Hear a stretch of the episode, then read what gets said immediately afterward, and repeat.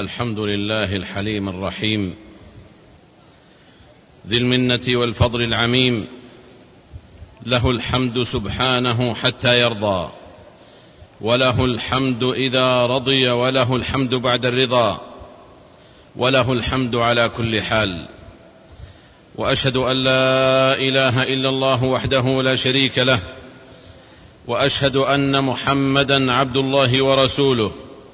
وخليله وخيرته من خلقه. خير من صلى لله وصام وأفضل من تلا كتاب ربه وقام. بلغ الرسالة ونصح الأمة وجاهد في الله حق جهاده. فصلوات الله وسلامه عليه وعلى آل بيته الطيبين الطاهرين وعلى أصحابه الغر الميامين وعلى من سار على طريقهم واتبع هداهم إلى يوم الدين وسلم تسليما كثيرا. أما بعد فأوصيكم أيها الناس ونفسي بوصية الله بوصية الله للأولين والآخرين في محكم التنزيل ولقد وصينا الذين أوتوا الكتاب من قبلكم وإياكم أن اتقوا الله.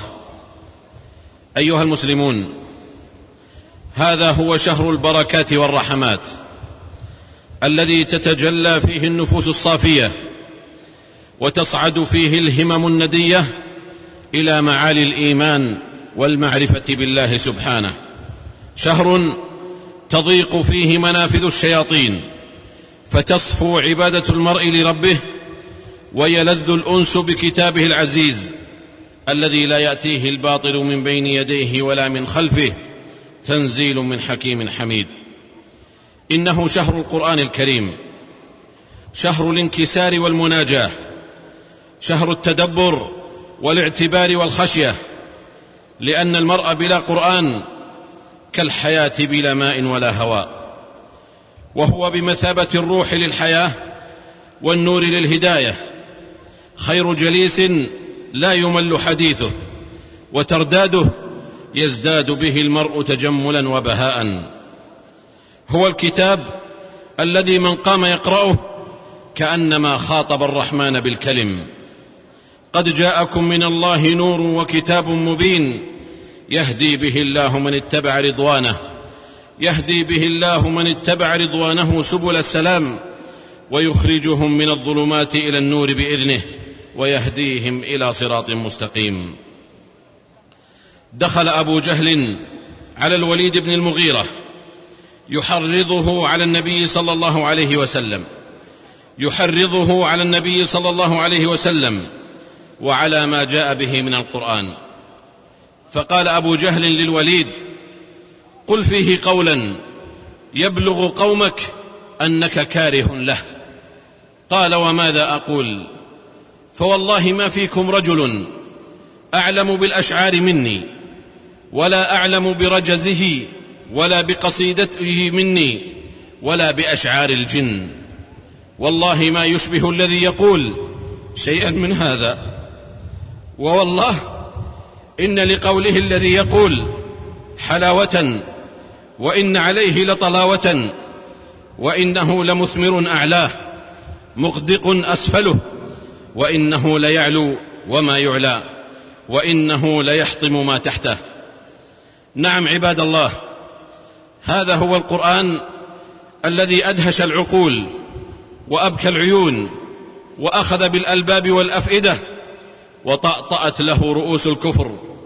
وإذا سمعوا ما أنزل إلى الرسول ترى أعينهم تفيض من الدمع مما عرفوا من الحق. يقولون ربنا آمنا فاكتبنا مع الشاهدين. أخرج البخاري ومسلم في صحيحيهما أن رسول الله صلى الله عليه وسلم انطلق في طائفة من أصحابه عامدين إلى سوق عكاظ وقد حيل بين الشياطين وبين خبر السماء وأرسلت عليهم الشهب فرجعت الشياطين فقالوا ما لكم؟ فقالوا حيل بيننا وبين خبر السماء وأرسلت علينا الشهب قال ما حال بينكم وبين خبر السماء إلا شيء حدث. فاضربوا مشارق الأرض ومغاربها. فانظروا ما هذا الأمر الذي حدث. فانطلقوا فضربوا مشارق الأرض ومغاربها. ينظرون ما هذا الأمر الذي حال بينهم وبين خبر السماء. قال فانطلق الذين توجهوا نحو تهامة إلى رسول الله صلى الله عليه وسلم بنخلة وهو عامد إلى سوق عكاظ وهو يصلي بأصحابه صلاة الفجر. فلما سمعوا فلما سمعوا القرآن تسمعوا له فقالوا هذا الذي حال بينكم وبين خبر السماء. فهنالك رجعوا إلى قومهم فقالوا يا قومنا يا قومنا إنا سمعنا قرانا عجبا. إنا سمعنا قرانا عجبا. يهدي إلى الرشد فآمنا به. ولن نشرك بربنا أحدا. هذا هو حال الناس مع كتاب ربهم إنسهم وجنهم مؤمنهم وكافرهم. إن هذا القرآن يهدي للتي هي أقوم ويبشر المؤمنين. الذين يعملون الصالحات أن لهم أجرا كبيرا.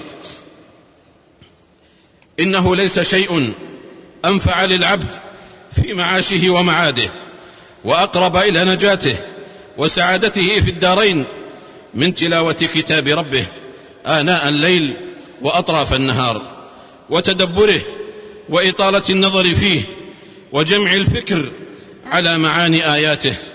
فإن ذلكم يطلع العبد على جوامع الخير والشر وعلى حال أهلها ويريه ويريه صورة الدنيا في قلبه ويحضره بين الأمم السالفة ويريه أيام الله فيهم والمثلات التي حلت بهم أو قريبا من دارهم. فيرى المتدبر غرق قوم نوح ويعي أثر صاعقة عاد وثمود. ويعرف غرق فرعون وخسف هامان ويستوعب ويستوعب ماهيه طريق الشر وعاقبة أهله وماهيه طريق الخير ومآل اهله ولا يظلم ربك أحدا.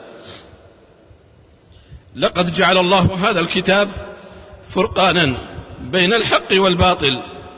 من طلب الهدى منه أعزه الله ومن ابتغى الهدى من غيره أذله الله. لقي عمر الفاروق رضي الله عنه نافع بن عبد الحارث بعسفان وكان عمر يستعمله على مكة. فقال من استعملت على أهل الوادي؟ فقال ابن أبزة. قال ومن ابن أبزة؟ قال مولا من موالينا. قال عمر فاستخلفت عليهم مولى قال إنه قارئ لكتاب الله عز وجل وإنه عالم بالفرائض. قال عمر أما إن نبيكم قد قال إن الله يرفع بهذا الكتاب أقواما ويضع به آخرين. رواه مسلم. إنه النور الذي لا تطفأ مصابيحه والمنهاج الذي لا يضل ناهجه هو معدن الإيمان وينبوع العلم. ومائدة العلماء وربيع القلوب ودستور الحياة برمتها والشفاء الذي ليس بعده داء. قل هو للذين آمنوا هدى وشفاء والذين لا يؤمنون في آذانهم وقر وهو عليهم عمى. أولئك ينادون من مكان بعيد. كتاب محفوظ بحفظ الله له. لا يغيره تحريف المحرفين ولا تأويل المبطلين ولا عناد الناكصين يعلو ولا يعلى عليه. ويود أهل الباطل لو غسلوا آياته وأحكامه بماء البحر ليمحى أثره عن الوجود. ولكن الله غالب على أمره وهو القائل إنا نحن نزلنا الذكر وإنا له لحافظون. قال يحيى بن أكثم كان للمأمون وهو أمير إذ ذاك مجلس نظر. فدخل في جملة الناس رجل يهودي قال فتكلم فأحسن الكلام والعبارة. قال فلما أن تقوض المجلس دعاه المأمون فقال له إسرائيلي؟ قال نعم. قال له أسلم حتى أفعل بك وأصنع. ووعده فانصرف.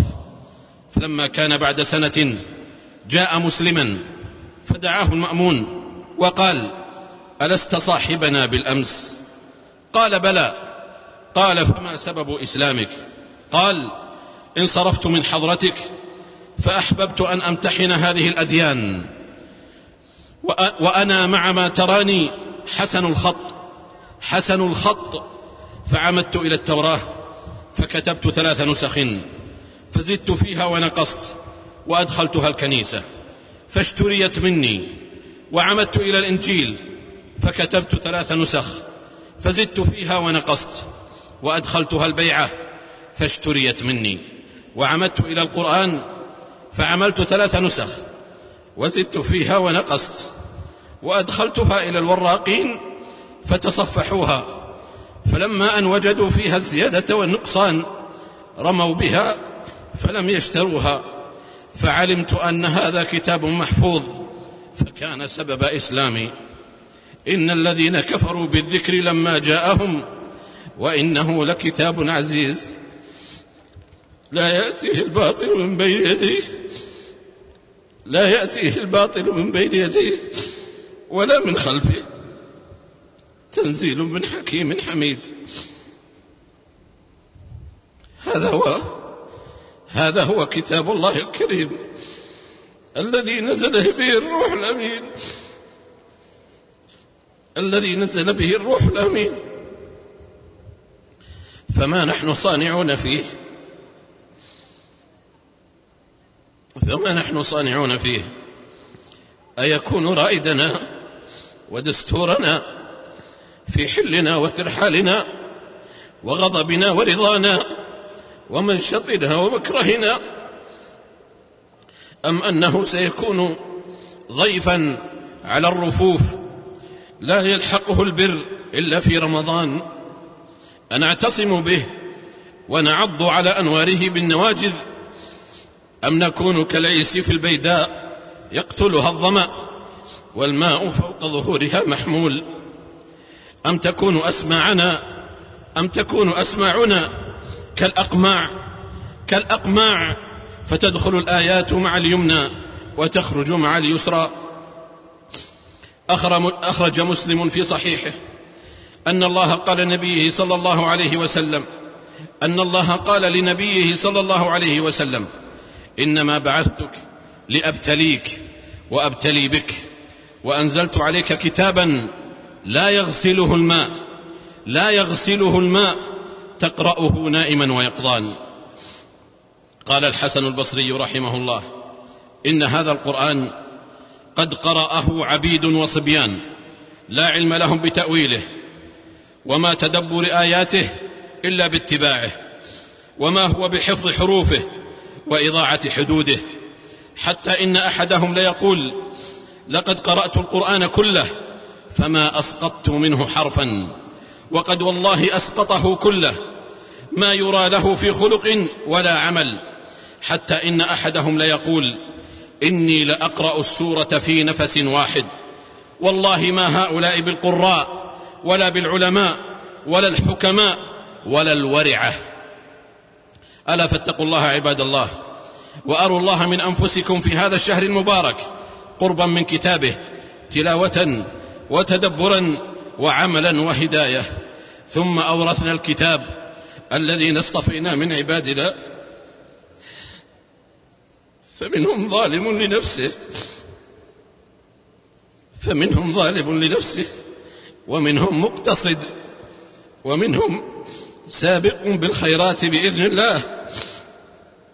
ذلك هو الفضل الكبير. بارك الله لي ولكم في القرآن العظيم. ونفعني وإياكم بما فيه من الآيات والذكر الحكيم. قد قلت ما قلت. إن صوابا فمن الله وإن خطأ فمن نفسي والشيطان وأستغفر الله إنه كان غفارا.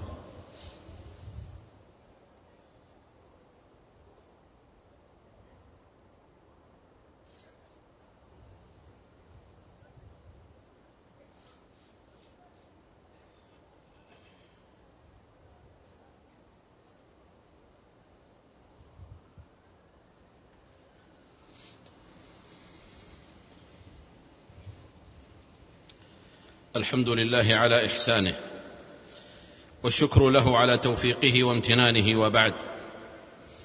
فاتقوا الله عباد الله واغتنموا هذا الشهر المبارك في تلاوة كتابه وتدبر آياته والنهل من عبره وعظاته إذ فيه نبأ من قبلنا وخبر ما بعدنا وفصل ما بيننا. فطوبى لمن تدبر كتاب ربه حق تدبره وهنيئا لمن تقشعر منه جلودهم وتلين جلودهم وقلوبهم إلى ذكر الله.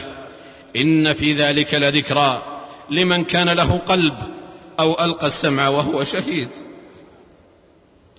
ولعل أمة الإسلام في هذا الشهر المبارك تعيش صورا جديدة من التدبر من التدبر والتأمل مع كتاب ربها بعد هذه الأحداث المتسارعة والزوابع المدلهمة لتقول بلسان حالها ما أشبه الليلة بالبارحة واليوم بالأمس وها هو التاريخ يعيد نفسه. نعم إن لسان حالها يقول لقد كنا نظن أن فرعون وقارون وهامان والنمرود وذا النواس شخوص طواها التاريخ فلن تتكرر على مر الزمان. وإذا بأمة الإسلام تشاهد أكثر من فرعون يعيش بين ظهرانيهم. ممن يستبيح الأرواح والأعراض. ممن علا في الأرض وجعل أهلها شيعا يستضعف طائفة منهم يذبح أبناءهم ويستحيي نساءهم.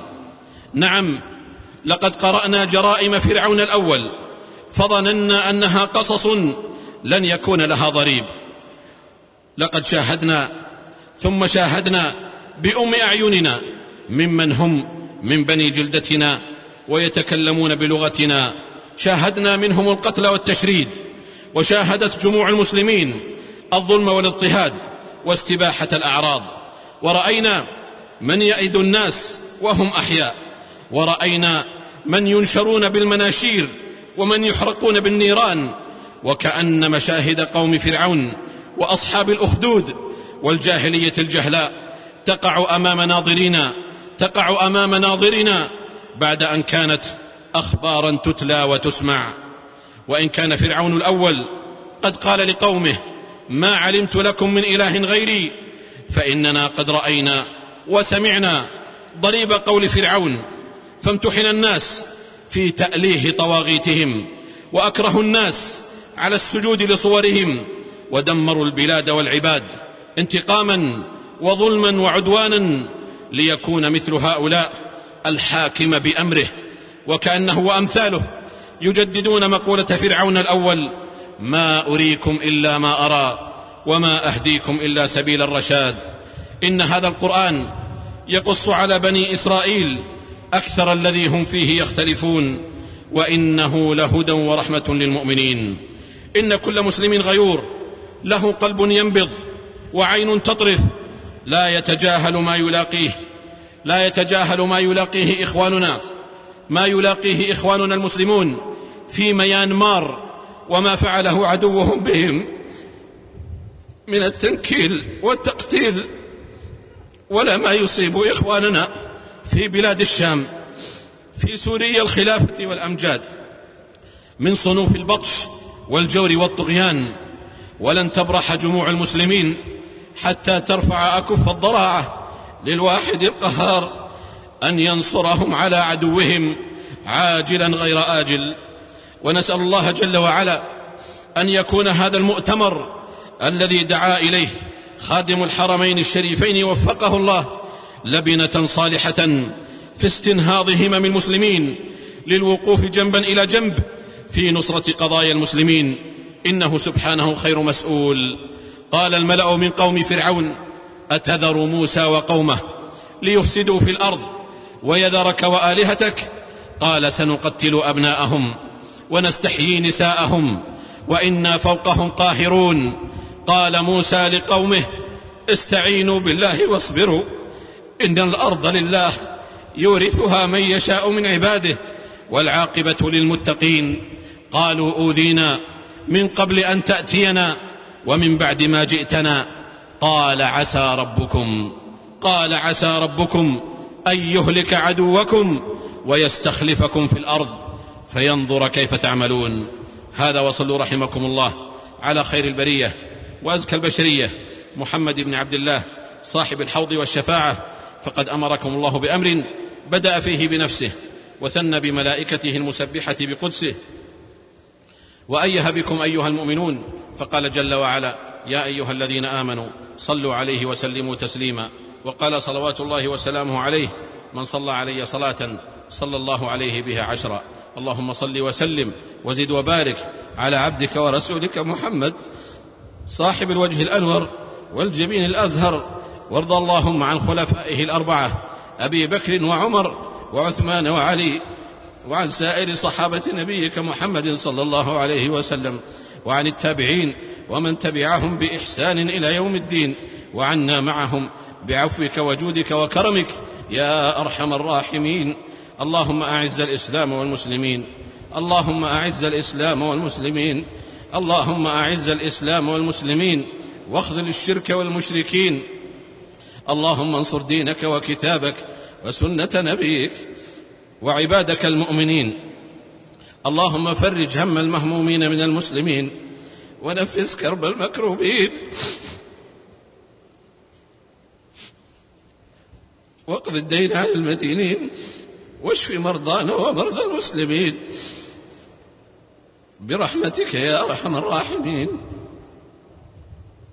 اللهم انصر إخواننا المستضعفين في دينهم في سائر في سائر الأوطان. اللهم انصر إخواننا المسلمين في ميانمار وفي سوريا وفي غيرها من بلاد المسلمين. اللهم انصرهم على عدوك وعدوهم يا ذا الجلال والإكرام. اللهم آمنا في أوطاننا وأصلح أئمتنا وولاة أمورنا واجعل ولايتنا في من خافك واتقاك واتبع رضاك يا رب العالمين.